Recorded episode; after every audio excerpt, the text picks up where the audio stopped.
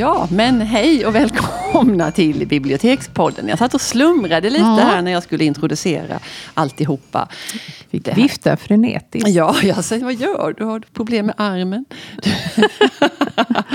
Detta är då i god ordning Bibliotekspodden som eh, sänder från Halmstad stadsbibliotek. Jag heter Elisabeth Skog och mitt emot mig som ett adventsljus i sin rankaste, rakaste, finaste stil sitter Jeanette. Hej! Du var väldigt. Ja. Ja, tack för det. Mm. Eh, vi ska prata om en, ett program som vi rev av här för ett tag sedan. Som heter Höstens böcker. Ja. Vill du berätta lite om hur det går till? Vi har hållit på med detta i några år och som vanligt så är det oklart hur länge, men det är ganska länge, eh, flera, flera år. Ja. Eh, vi började då i blygsam skala och eh, som vi brukar säga så var publiken ungefär lika stor som presentatörerna till antalet. Jag Ja. tror kanske att de var något fler, men säg att det låg runt tio de vi- två första gångerna. Och vi, alltså om man nu ska vara självkritisk, så var inte vi speciellt bra heller. Nej, det var saggigt och gaggigt. Ja, och vi, hade inte, vi använde inte teknik och vi satt på samma nivå som publiken. Så att det är ett under att de faktiskt eh, fortsatte Mm. och spred detta. Så att nu de sista åren så har vi ju varit eh, över 80 personer vissa gånger. Mm. Ja. I onsdags när vi hade det så var det 77. Mm. Eh, och det vi gör då är att vi varje höst och varje vår presenterar säsongens boknyheter för vuxna. Mm. Ja. Ingen barn, ingen ungdomslitteratur. Nej. Och det är skönlitteratur och det är facklitteratur. Vi är fem bibliotekarier Mm. som gör detta och vi tycker det är så himla roligt. Mm. Och att uppenbarligen så tycker ju besökarna det också för att de börjar faktiskt redan omedelbart efter ett program så börjar de fråga när är det nästa gång? Ja. Och då vet de ju att det kommer ju inget förrän till våren men då vill de liksom göra plats i almanackan. Mm. Ja. Och vi dukar lite mysigt. Eh, kafédukning som vi kallar det. Och bjuder på fika. Ja. Eh, vissa år har vi faktiskt till och med bakat. orkar vi inte Hembakat har längre. förekommit. Mm. Eh, och en av de första gångerna då när vi kanske hade, för det var, låg på 50 har jag för mig ganska Mm. länge. Och då kom det helt plötsligt över 80 personer. Ah. Och då fick vi börja dela kakorna Kak- i mindre och mindre, bitar. Och kaffe fick kokas i hast. Termosar det var helt upp galet. med. Men nu räknar vi faktiskt med så många. Så att nu har vi blivit lite kaxiga. Att Ja. det, Det fin, man får, alla får en boklista där det står böckerna och vi delar Ja. alltid in böckerna i kategorier. och boklistan är ju också en lott. Ja, den är numrerad. Mm.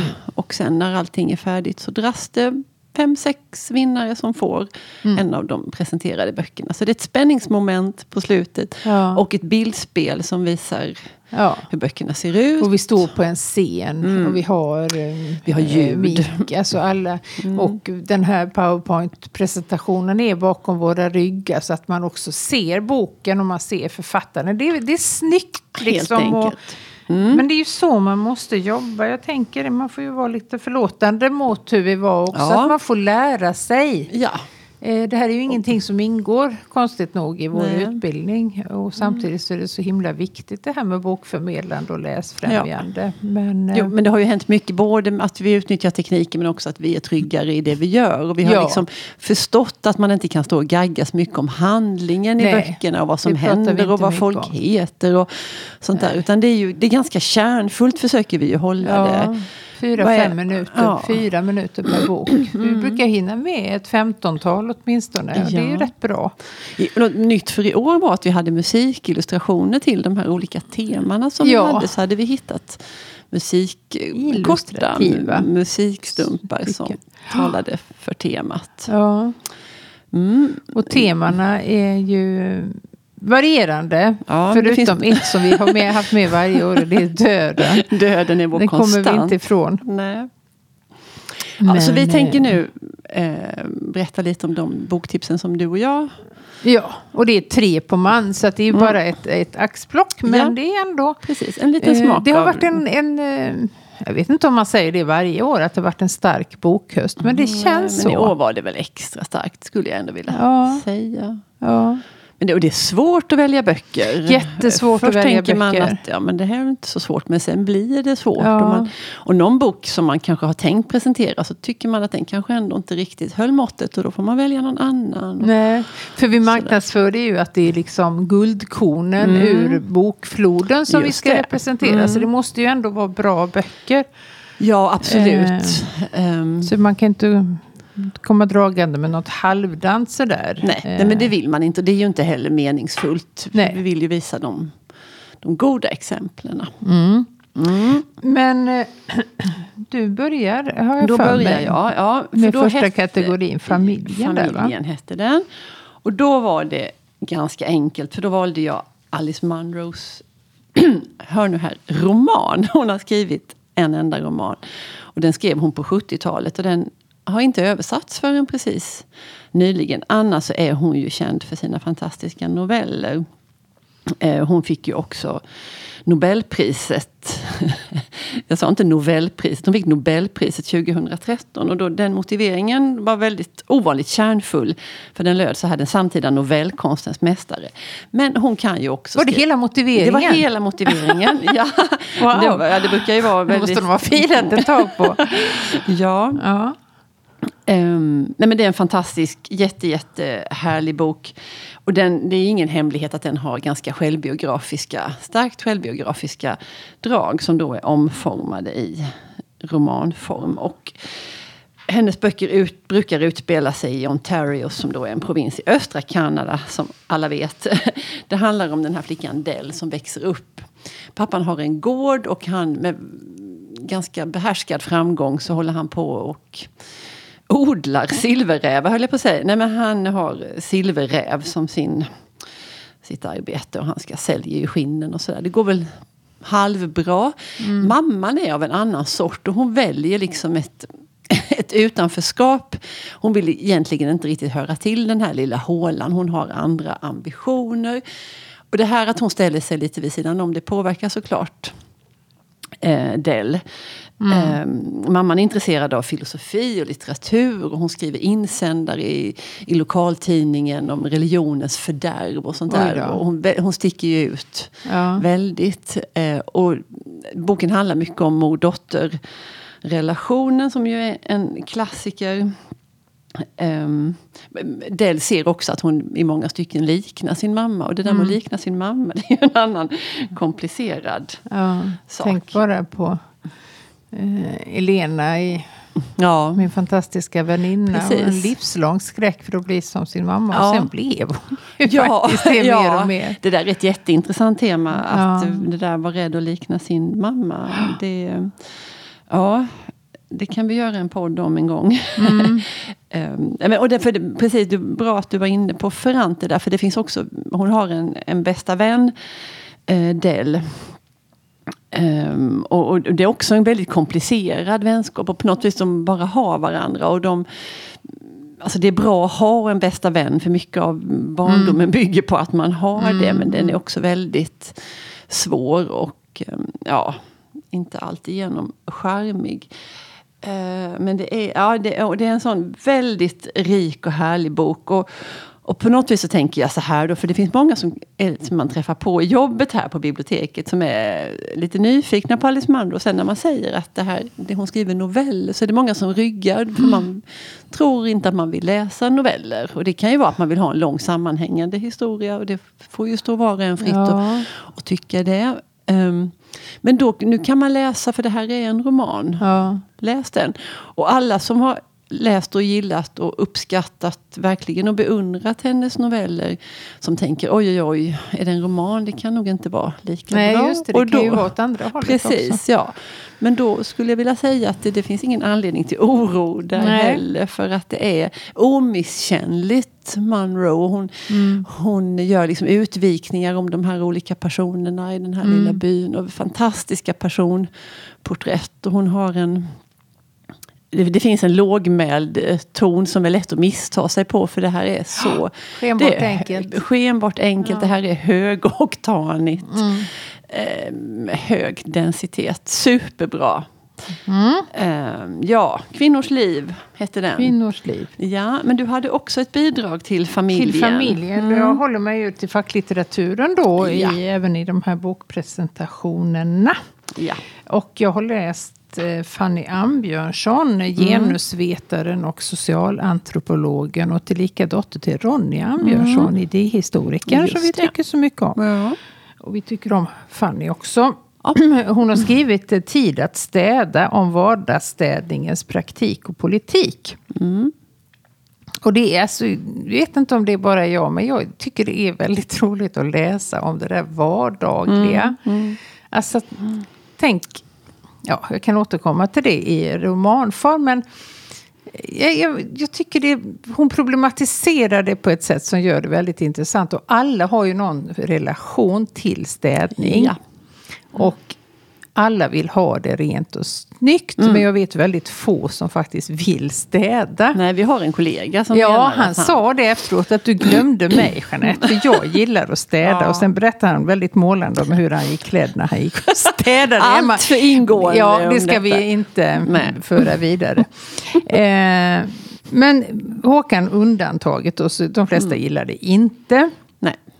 Och jobbar man med städning så har det väldigt, väldigt låg status och väldigt låg lön. Eh, och det hon undersöker, alltså det hon gör i boken, det är ju intervjuer. Det är ett stort antal intervjuer eh, med mm, personer i, alltså från hela samhällsskiktet. Men det handlar liksom om deras privata förhållande till städning. Eh, och det, alltså det, det är bärare av så mycket. De, hon avtäcker så mycket i de här eh, intervjuerna som kommer fram. Alltså det är gamla mönster. Att eh, mamma sitter på axeln. Ja. Eh, för många av dem är uppväxta då med en mamma som var hemmafru. Hemmafru-mamma. Och den Mm. epoken var ju, tack och lov, väldigt kort. Men den har nog gjort ganska stort avtryck. För att då sattes ju normen för städning på ett helt... Alltså, så- det finns ju ingen som kan leva upp till det idag. Nej. Eh, om du inte köper dig den tjänsten. Och Mm. det problematiserar hon också. Det pratas liksom om rutavdraget Mm. och debatten där om att pigsamhället är tillbaka. Hon pratade också om att just att de här låga lönerna och skattesubventionerna möjliggör ju, för hade det varit en dyr tjänst så hade ju inte jag hade fått jobba eh, alltså så mycket mer för att tjäna ihop de här pengarna för att avlöna någon annan till att... Alltså nu har jag inte privatstädning vill jag Nej. säga. Men, ja. Jätteintressant. Eh, och jag vill lyfta fram en talande citat ur en av eh, intervjuerna. Det upptar större delen av min tid att tänka på städning och allt som borde städas. Det är bara en kort stund som jag är lycklig och det är när det är klart. Allt är ju tiden innan städning på något sätt. Ja, det är väldigt sant. Ja, Det hänger väl ihop alltihopa med det här att, att det blir ju aldrig färdigt. Och Nej, i samma exakt. ögonblick som det då möjligen är färdigt så, Ja. så börjar ju så förfallet kommer någon igen. in med... Ja, drar in sand. hunden eh, skakar sig Ja, Mm. ja, ja. Det ska ätas, det står skit i disk framme. Någon Nej, man kan aldrig, aldrig En någonsin... eh, handduk slängd någonstans. Alltså det, Mm. det, det är väldigt komplicerat det där att förhålla sig till det. Ja. Och det, det finns också en, att man ska ha välstädat hemma. Ja, Eh, sen kan, och sen det finns- har nog ökat. Alltså Ja. Jag tror att det fanns en större tolerans. Och särskilt då, det var mer arbetarklassen som skulle ha det rent. Ja, det var något ängsligt med Fläckfritt. Ja, och du skulle liksom precis. kunna förvänta dig en inspektion Mm, när som helst på dygnet. Medan du högre upp du kom i klasserna så var det lite bohemiskt charmigt Ja. att ha det. Ja, Men man det kunde visa jag att man, gäller längre. Nej, man kunde visa att man struntade i det. Men det, då, då skulle det ändå vara liksom Stökigt på på, rätt sätt. På rätt Ja. sätt, precis. Och Det det, pratade hon också om, Ja. att det är skillnad på stök och smuts. Ja. Eh, för stöket kan man ju ana den här mänskliga handen, att ja, men det är ju någon som har stökat till. Men smutsen den liksom bara nej. upp. Ja, står. och det, någonting Eh. försummat är det också i det. Och att liksom, ligger det många böcker framme så är det ju liksom oordning på ett ganska Ja. trevligt sätt. Oj, vad det läses här då. Precis. Men eh, matrester och eh, muggiga disktrasor och så. Nej, det är ju, ingrott skit. mm, mm. Nej, inte bra. Nej. Nej, så det Ja. finns mycket. Och eh, jo, men kopplingen till skönlitteraturen Ja, då eh, kom jag osökt in på för den som vill läsa mig. mer om Ja. städning. Och de två jag omedelbart kom att tänka på, det var ju först Maja Ekelöf, Mm. Rapport från en skurhink. Och det var ju, hon skrev ju sitt eget liv Ja. på Hon städade både hemma och 70-tal. borta. Ja. Och läste och skrev. Utöver det så hade hon ett brinnande samhällsengagemang och Mm. hon kommenterade liksom, jättesmarta reflektioner över dagspolitik och Ja. hon skrev brev till eh, Palme Ja, tror ja. jag. Och, ja, hon var ju helt fantastisk. Ja, hon var ensamstående, ensamstående med tre mm. barn, jobbade heltid som städerska. Och orkade ändå ha det här. Och gick på kurser Både och bildningsintresse och samhällsintresse. Mm. Då skrev hon den här fantastiska boken då, Rapport från en skurhink. Det är vann en väldigt bra. tävling. Ja, jag tror hon fick något Eva Lo-stipendium Ja, eller någonting precis. sånt. Ja, Eh, och sen nej, men sen har vi vi mer eh, nutida och det är ju Kristina Sandbergs romaner Mm. om Maj. Eh, som börjar med att föda ett barn. Ja. Som ju är en enda lång eh, alltså berättelse om hushållsarbete. Eh, och inte på något sätt eh, glamoriserat. Nej, utan det det, är ju verkligen det här. Och hur hon vantrivs Ja, i och den här, rollen. kampen hela tiden mot Kampen hur det ska se tiden. ut och hur många små kakor som ska bakas och hur Ja. rent det ska vara. Och, Och hon Och det här att- sig ja. inlurad i det. Precis. Alltså det var ju aldrig Mm. hennes val. Hon Nej. blev gravid och sen eh, var det kört. ja. och det här att, att vantrivas i den här rollen. Ja. Och att det aldrig... Som mamma Det var ju och- inget lyckligt slut på det. Det ordnade sig ju aldrig för Nej. mig. Utan hon fortsatte ju livet ut med det här som hon egentligen inte Mm. tyckte sig vara ämnad för. Och då känner man också sån tacksamhet för att den, eh, den fällan är väl i alla fall Ja. eh, eh, stängd. Mm. Att tvingas in nästan att nu finns det barnomsorg och det är ingen, det är nästan kontroversiellt om du skulle välja att vara hemma med dina barn. Då får du nog Det ganska... finns ju sådana strömningar också. Ja. ja. Men det är ju inget, i alla fall ingenting som förväntas av dig Nej. längre. Nej, nej. Tack och lov. Så är det ju. Ja, nej men det Ja. var det om familjen. Då lämnar vi familjen därhän och så drar vi till London istället då. Ja, där var du. Där jag var i London och då ville jag slå ett slag för den brittiska författaren Rachel Cusk. Ehm, och hennes bok Transit som är en väldigt, väldigt bra och snygg bok. Ehm, det var en recensent som kallade den för en existentiell rysare och jag gillade det jättemycket för den är Ja, den är precis det. Hon är en mästare på att beskriva, hon iakttar, eh, författaren iakttar och huvudpersonen lyssnar och iakttar de här personerna omkring sig. Jag ska säga det först att det här ordet transit, eller transit som vi kanske säger då, den heter likadant på svenska och på engelska. Det ordet betyder genomförsel av varor eller genomfart av resande genom ett land till ett annat. Och det är precis ett sånt här övergångs, en sån här övergångsfas som den här romanens huvudperson Faye befinner sig i. Eh, Och själva ramberättelsen, eh, liksom ramverket till det hela, det är att Faye flyttar till en nedgången lägenhet i London och att hon är nyskild. Det är ungefär det som vi får veta om henne. Eh, Sen får vi veta desto mer om alla de här personerna i hennes närhet som hon möter.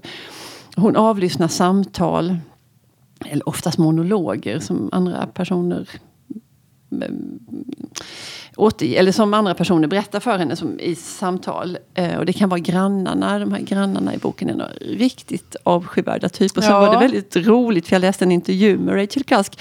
Där hon säger till journalisten som kommer och ska göra intervjun hemma hos henne. Att, att vad du gör, slå dig inte i slang med grannarna. Så man anar ju att det finns vissa självbiografiska drag. Ehm, och- det är någonting med att det här att hon beskriver andra så ingående. Och det är ju Mm. på något vis sådär att, att man ser ju aldrig sig själv. Men man Nej. ser människorna som man har omkring jag sig. tycker också, alltså hon beskriver, de får ju så mycket utrymme de här olika personerna. Mm. Som inte har någon inbördes relation. Utan hon är ju den enda liksom, röda tråden mellan Ja. dem. Men man hinner glömma det. Ja, Eh, och sen helt plötsligt så förs man tillbaka till Mm. henne igen. Jag kommer ihåg den här byggarbetaren. ja. eh, som skulle renovera det här eh, rucklet. Och liksom, det blir en jättelång fascinerande mm, historia. Och så, så jobbar hon ju hela tiden. Man Ja. talar väl till och med om att hon har förnyat romankonsten. Mm. Genom det här perspektivet som hon har. Absolut. Och det, detaljrikedomen. Som, hon jämförs också både med Sebald och med Knausgård. Och Ja. Hon är ju inte lika omfångsrik på långa vägar. Men det är något med, med ögat där, Ja. tänker jag, som, som känns igen. Ja, alltså också att det här vardagliga berättandet, att det säger så mycket, mycket mer än själva orden uttrycker. ja. Det, det är svårt att sätta fingret på vad det är, men Ja. att man, man blir så Man blir väldigt fångad av ja, det. indragen i de här förloppen. Och sen tyckte jag det var en spännande sak också att, em, att det finns en frihet i den här osynligheten på något sätt. Att Ja. är hon ganska... Ja. Jag, det- jag tänkte på det, nu vet jag att du också har läst det, men den här när hon berättar när författarjaget, em, bokens jag-person, är på en sån här lit, litterär konferens eller en litteraturkonferens. Ja. Och hon beskriver de här två männen som håller på att prata hål i huvudet på varandra och tuppar sig och överglänsa Ja. varandra. Och, och, och hon, väldigt kort så, så säger hon bara om sin egen där att hon, hon läste upp ett stycke och sen var det någon. Och man får inte veta vad det är hon läser men någon Nej. i publiken, en man, börjar gråta när han har hört henne. Okej. Eh, Jag tycker det är så, det är så snyggt. Ja, men jag måste säga det också. Jag tror jag glömde säga det på, på det här, när vi hade det här framträdandet. Att den är ju en del i en trilogi. Det är Ja. tre böcker som och man får följa Faye i de här tre böckerna. Mm. Och jag tycker man kan förhålla sig. Blir man nu jättesugen på att läsa Transit så kan man ju göra det utan att ha läst den första som heter Konturer. Ja, ja. Det tycker inte jag spelar någon Nej, roll det tycker jag alls. inte heller. Men det är också Konturer är också en jätte, jättebra bok Ja. som är i samma stil och samma Ja, anda. hon är i Grekland där. Ja, hon ska lära studenter att skriva noveller. Mm. Vilket passar jätte, jättebra. För att Då får man ju en massa historier Precis. genom de här Nobelförsöken. Och hon träffar en person på flygplanet som får... Stolsgrannen kallas han igenom Ja, hela... just det. Just det. Åh, gud, ja, Ja. det var en omfattande historia. Ja, mycket. Eh, ja, nej men det var London. Vart ska vi nu? Vart går Mm. Nu ska vi färden? till snårigheter tror Oj, jag. ja. Eh, vi hade lite, det brukar alltid bli så att vi för över lite böcker som inte passar in i någon kategori. Ja. Och så tänker vi djupt, vad ska vi ha? Vad finns det för gemensam nämnare? Och ibland blir det mer eller mindre krystat. Eh, men i år var vi ganska nöjda för vi kallar den här. Mm. eh, kategorin snårigt. Och det kunde vara att det handlade, en bok handlade om konspirationsteorier Ja. och det är ju verkligen snårigt. Det är supersnårigt. Och det var någon, vi hade också en väldigt snärjig deckare. Med. Precis, med massa olika ledtrådar. Ja. Och sen har jag mitt eh, bidrag till detta är då Jonna Bornemarks Det omätbaras renässans. En uppgörelse med pedanternas världsherravälde. Och om titeln är tung så är det ingenting om vad, vad boken är. För den är snårig på riktigt. Ja. Eh, hon Bornemark som vi faktiskt försökte reda, reda på hennes relation till Gullan. Ja, vet, det ligger ju med- nära till hands att Ja. man tänker ett Men det gick faktiskt inte att... Nej. eh, Trots många googlingar. Ja. Men vi vet att Gullan fyllde 91 häromdagen. Samma dag som vi pratade Mm. om detta. Ja, det är ju sanning ett sidospår. Men det Jonna Bornemark, hon är docent i filosofi i Södertörn. Och eh, hon sommarpratade förra året, 2017, och eh, kritiserade den här mätbarheten som hela vårt samhälle är genomsyrat av. Och kopplar, då, i och med att hon är filosof, så kopplar hon detta till tre filosofer som verkade under renässansen, 14 till 1600 ungefär. Typ. Typ. Och anledningen till att hon gör det är att hon menar då att genom att vända sig till filosofin så får man, så får man perspektiv till den tid man lever i. Eh, och kritiken då mot det omätbara, eller mot eh, pedanternas världsherravälde och för det här omätbara. Det handlar ju om att eh, vi har fastnat i en modell där allting ska mätas och där lönsamhet är Ja. liksom det enda eh, målet för precis all verksamhet. Ja, och går det inte att mäta så finns det liksom Nej, inte. och vi ska kvantifiera och vi ska använda mallar och vi Ja. ska kvalitetssäkra. Ja. Precis till allting. förbannelse. Eh, Ja. Och du vet, för jag har ju hört om det här med vårdföretag som mm, vägde blöjorna Mm. hos de gamla. Och, alltså, man kan gå till skolvärlden. De, lärarna ägnar ju merparten av sin tid att dokumentera Ja. istället för att faktiskt ta hand om. Och det, det gäller inte bara dem, det är lärare, det är vårdpersonal, det är poliser. Alltså det är så mycket pappersarbete och det ska säkerställas. Och det, ena, så att det tar ju det blir ju kontraproduktivt. Det tar Ja. ju tid ifrån det. Och då skapar det ju mer problem än Ja, att det och det löser. fjärmar ju också människor ifrån, om man nu har sökt sig till ett arbete som har med människor att göra för att man Ja. faktiskt vill ha med människor Ja. att göra. Och inte sitta och fylla i en massa Nej. papper. Läkare likadant, de Som- är ju alldeles förtvivlade. Eh, För allt det här skäl ju tid ifrån det som de egentligen är skickade att göra. Det är ju något bisarrt. Visst är det. Och det blir så tydligt när man läser. Alltså, När saker och ting går långsamt så, så invaggas man ju i någon normalitetskänsla. Ja, så att jag, jag hade inte riktigt tänkt på Nej. att det var så illa. Men då har ju mina ögon öppnat. Ja, nej, hon har jag- till och med uppfunnit ett begrepp. Hon kallar det för förpappning. Det är Ja, ganska så... ja, det är bra. Nej, men jag tänker förpappring, På, förpappring, ja. Eh, nej, men jag tänker på vår biblioteksvärlden. Vi går ju inte heller fria från Nej, detta. Tänk så många administrativa system som vi nu ska Ja. förhålla oss till. Och, Oh, ja. och fylla i och ha koll på, öppna och dokumentera Jajamän. saker i. Och också hur vi, att vi mäter mm, Det är mycket nyckeltal. och utlån och besök och mm. omlån och Ja. allt vad det är. Men eh, det är ju så mycket av det vi gör som, helt, som är Ja. helt omätbart. Ja, det mesta nästan skulle Ja. jag vilja säga. För att det kan få effekter som liksom inte är omedelbart mätbara. Nej. Men, eh, ja. Ja. Nej men också, och eh, vilket blev också lite av en ögonöppnare. Att det här handlar ju inte bara om eh, samhället och yrken. Utan det är ju även i privatlivet. Mm, mm. Eh, Lilla jag- klockan på armen, Lilla Jeanette. aktivitetsarmbandet Ja. som mäter min puls, den mäter min sömn, den mäter antalet steg, Mm. Ja. antalet eh, alltså trappor jag har gått med. Och jag kollar av den hela tiden. Har jag verkligen gått mina 13 000 steg per dag som jag har satt då som minimigräns. Eh, och sen får jag fina staplar och varje vecka får jag en rapport om jag har ökat eller minskat Oj, då oj. mitt snitt. I telefonen får vi också rapporter. Hur mycket Mm. Skärmtid. skärmtiden i förhållande till tidigare vecka. Och vad man har gjort på skärmen, hur mycket man har spelat vad som har varit nyttigt och vad som har varit mindre nyttigt. Ja. Ja.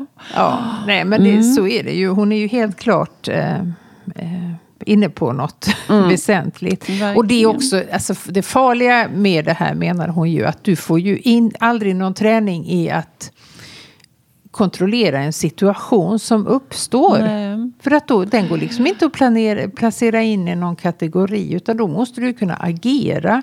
Och om Ja. du inte har fått lära dig att tänka eh, på det här fria kreativa sättet Nej. så kan ju det vara är helt förlorad. helt förlorad. Ja, Ja, det finns mycket att säga om det finns sannerligen mycket att säga. Så jag är glad att jag läste den även om den inte var... Även om den var snårig. Den var snårig. Ja, från snårighet till döden. Ja. Vår konstant, vårt konstanta tema bland Ja. böckerna vi presenterar. Eh, till denna kategori hade jag då väldigt, det var nog den allra mest självklara boken i det här sammanhanget. Och det var då Tua Forsströms fantastiska, underbara diktsamling Anteckningar. Som kom nu i höst till all lycka. Ehm, och ni som blir nyfikna på Tuva, jag säger det nu för jag är så rädd att jag ska glömma det sen. Så finns det ett poddavsnitt när vi har ett samtal med henne Ja. i bokmässebruset på Bokmässan. Inte nu i höstas 18 men 17. Vi hade ett jättefint samtal Ja, med vi henne. skärmade av hela bruset och Ja, skapade en egen vi. bubbla. I bubblan med Tuva. Och då den gången så berättade hon att hon nog trodde att det kanske inte skulle bli några fler böcker. För hon hade gått igenom en, en väldigt svår personlig förlust. Hennes barnbarn hade dött i leukemi. Ehm, och sen så i intervjuer, och hon har ju även varit här på biblioteket, Tuva Forsström, Ja. och pratat om det här. Hur, hur hon i sorgen då tappade språket. Hon var Mm. helt vilsen. Och det är ju en förlust, ytterligare en förlust då för en författande Ja, person, en ja. skrivande.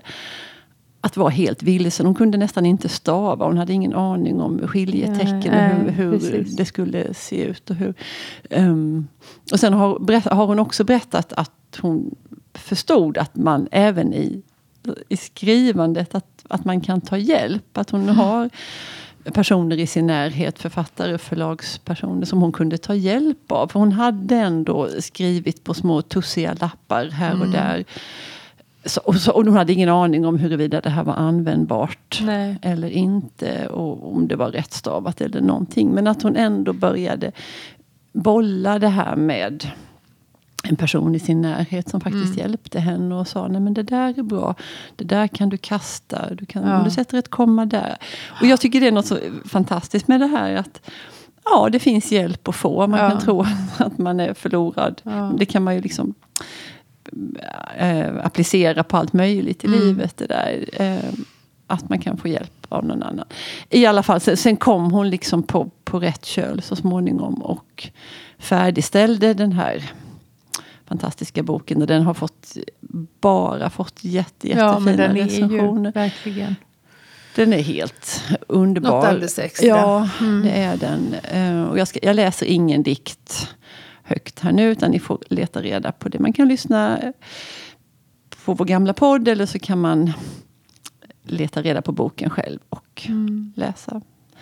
Uh, jättefin, kort bok, bara 80 sidor eller någonting. Mm. Sådär. Man kan ha den i fickan ja. överallt. Ja. Jag, min sista, eller mm. vår sista, eh, är Sigrid Rausings eh, bok som heter Malström, en memoar. Och Sigrid Rausing är ju arvtagerska till det här eh, miljard... Tetrapack. Tetrapack som mm. hennes far då eller farfar var det från början, mm. som uppfann tetrapacket. Det är en mm. svensk uppfinning. Mm. Och hela den här familjen flyttade sedermera till London. För de var livrädda för löntagarfonderna. skulle urholka deras... Farligt. Mm. mm. Men har fortsatt att ha en tät kontakt med Sverige. Och mm. Sigrid Rausing är ju en sann humanist. Mm. Hur rik och arvtagerska hon än är. Så, och hon skriver helt fantastiskt. Uh, hennes bror Hans Christian eh, fick väldigt stora rubriker 2012 när det uppdagades att eh, i en enorm eh, lägenhet i centrala London eh, låg hans fru Eva död. Hade gjort så i flera månader. Mm. Eh, kommer ihåg det. Det kommer man verkligen ja. ihåg. Det var ju så oerhört Eh, chockerande mm. och samtidigt lite kittlande och lite snaskigt. Denna misär i detta rika Precis. sammanhang. Mm. Eh, och det var inte okänt att de missbrukade. Men det, anledningen till att hon har skrivit den här boken det är ju för att synliggöra att missbruket slår lika hårt mm. oavsett i vilken samhällsklass det pågår. Sen att du blir inte hemlös och du har alltid pengar till droger. Men ja, liksom du behöver inte själva, stjäla. Nej, nej, själva missbruket är ju liksom så obönhörligt. Och att hon, eh, hon resonerar liksom mycket om sitt ansvar i det hela. För det var ju så att de var ju nyktra i, de träffades då, Hans Christian och Eva, mm. träffades på ett behandlingshem där mm. båda blev nyktra och fick väldigt raskt fyra barn och man trodde att allting var fridens och fröjdens. Men så eh, tog de varsitt glas champagne på millennieskiftet på oh. nyårsafton och sen var det kört mm. ända fram till hon dog tolv mm. år senare. Mm. Oh, det är så, ja, så skrämmande.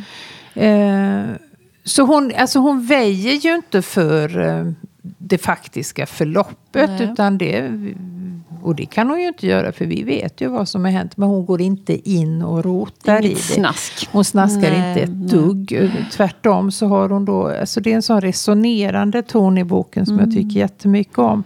Och hur hon då eh, tar hand om de här fyra barnen.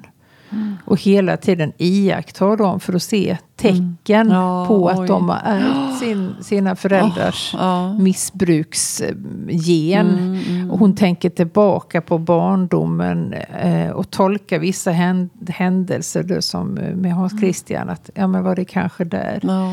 Var det så det började? Mm. Så att den är... Mm. Ja, den är så himla bra. Alltså. Malström heter den.